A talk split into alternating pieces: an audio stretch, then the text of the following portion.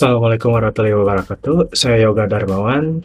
Di sini saya akan menjelaskan apa pentingnya itu analisis tugas di interaksi manusia dan komputer. Di interaksi manusia dan komputer, penting untuk mengetahui kebiasaan manusia untuk mengimplementasikannya ke dalam komputer. Salah satunya adalah dengan memahami analisis tugas. Nah, pertama-tama, apa itu analisis tugas? Analisis tugas adalah suatu metode untuk menganalisis pekerjaan manusia apa yang dia kerjakan, dengan apa mereka bekerja, dan apa yang harus mereka ketahui.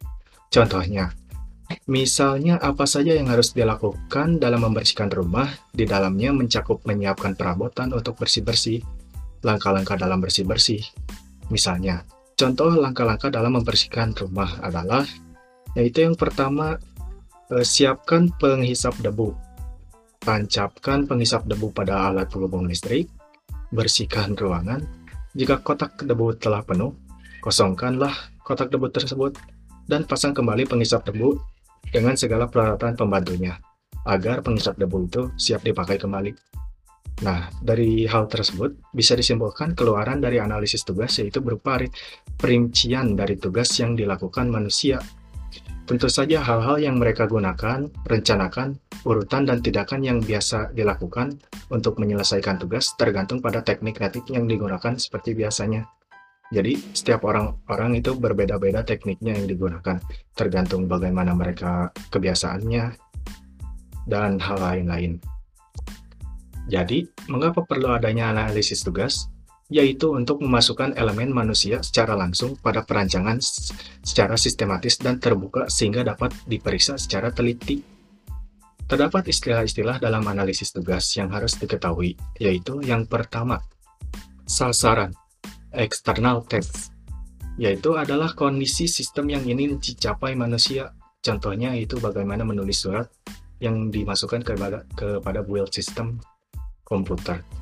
Yang kedua, tugas ya, atau internal test adalah himpunan terstruktur dari aktivitas yang dibutuhkan, digunakan atau dipercaya sebagai hal penting untuk mencapai sasaran dengan menggunakan perangkat tertentu. Yang ketiga yaitu aksi, action, adalah tugas yang tidak mengandung pemecahan persoalan atau komponen struktur terkendali. Contohnya yaitu memindahkan pointer. Yang keempat, istilah-istilah dalam analisis tugas yaitu rencana metode. Terdiri atau sejumlah tugas atau aksi yang disusun dalam suatu urutan. Contohnya yaitu delete file, move file, cut file, dan lain-lain. Hal-hal tersebut akan dipakai saat mengimplementasikan analisis tugas kepada ke dalam sistem komputer Menganalisis tugas memiliki teknik yang disebut dengan teknik analisis tugas. Ada beberapa teknik analisis tugas yang bisa diketahui, yaitu yang pertama, dekomposisi tugas, yang kedua, analisis berbasis pengetahuan, yang ketiga, yaitu teknik berbasis relasi entitas. Teknik analisis tugas umumnya mem membuat dekomposisi tugas untuk mengekspresikan, mengekspresikan aksi yang harus dilakukan. Seperti pada contoh di atas, salah satu pendekatan yang sering digunakan adalah hierarchy task analysis atau disingkat HTA.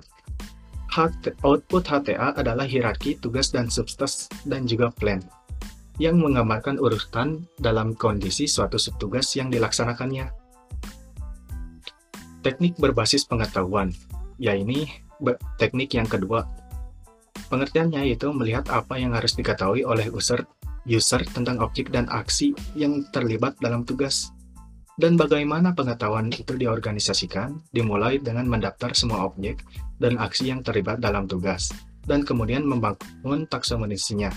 Mirip seperti apa yang dilakukan pada biologi yang bertujuan untuk memahami knowledge yang dibutuhkan untuk melaksanakan tugas, yaitu seperti mengamati hewan, tumbuh-tumbuhan, dan lain-lain yang berkait dengan alam.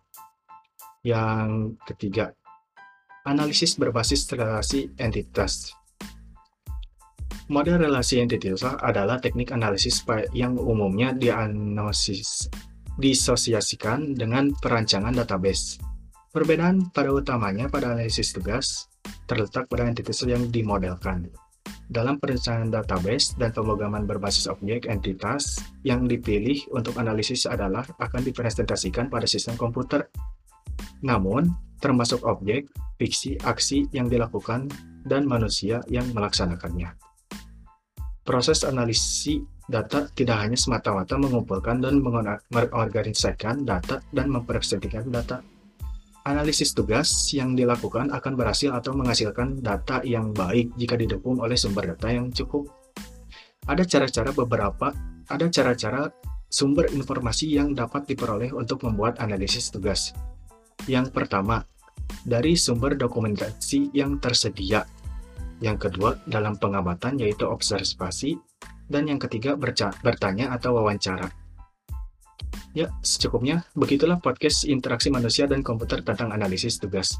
Jadi, sekarang bisa diketahui bahwa analisis tugas itu penting untuk dipelajari bagi mahasiswa yang menjurui di build sistem komputer untuk mengimplementasikan bagaimana kebiasaan manusia tersebut ke dalam sistem komputer yang jadinya akan membuat aplikasi yang berguna bagi manusia tersebut.